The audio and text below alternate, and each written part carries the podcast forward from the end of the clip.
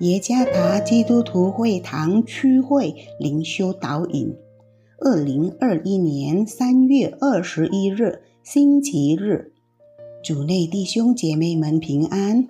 今天的灵修导引，我们要借着圣经雅各书第二章十四到二十六节来思想今天的主题：信心要有行为。作者邱福娘传道，雅各书第二章十四到二十六节。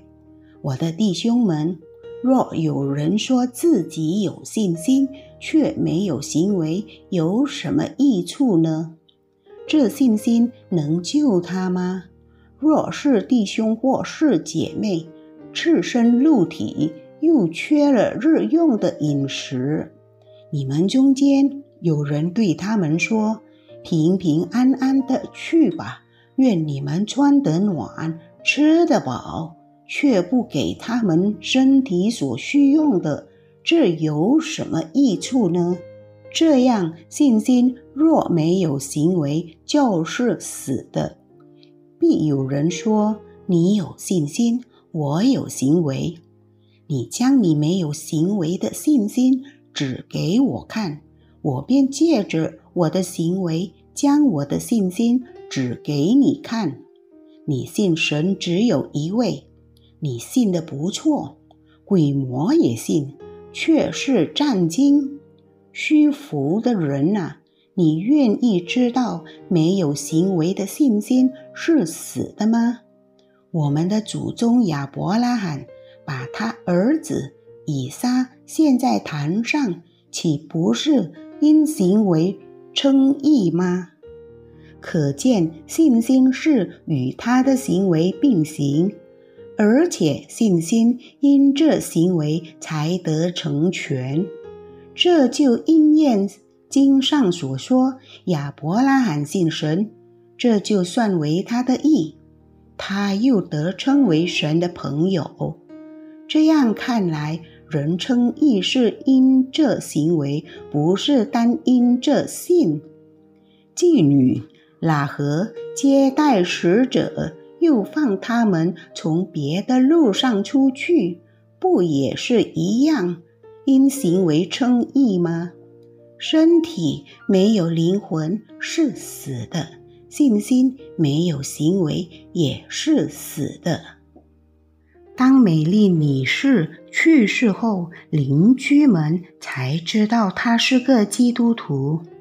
在举行葬礼时，妇女们开始闲聊有关美丽女士在邻居中通常不是一个很好见证的行为。她的行为不如她的名字那么美丽。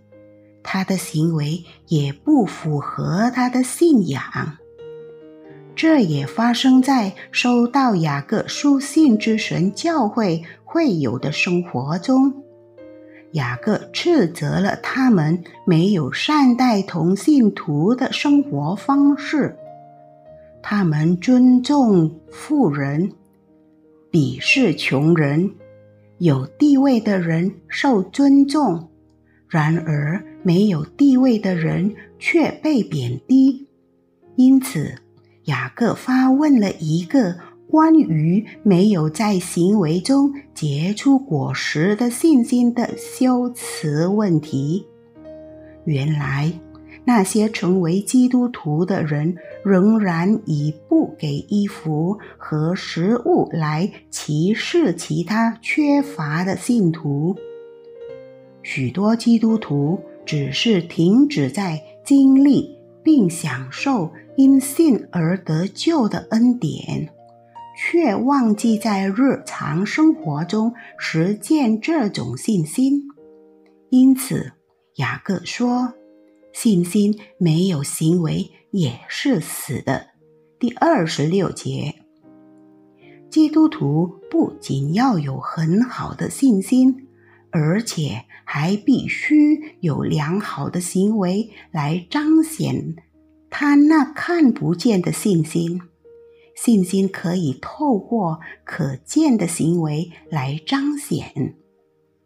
当我们以好行为成为我们真实信心的果实时，那就是我们在这个世上展示神慈爱的时候。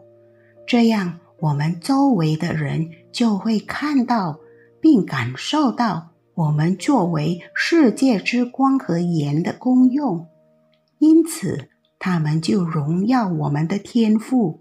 而不是夸赞我们，所以我们对主耶稣的信心不仅用于讨论，而是要透过日常生活的态度去实践出来。对主耶稣的信心必须以对他人的善行来彰显，因本质上信心没有行为是死的。主耶稣赐福。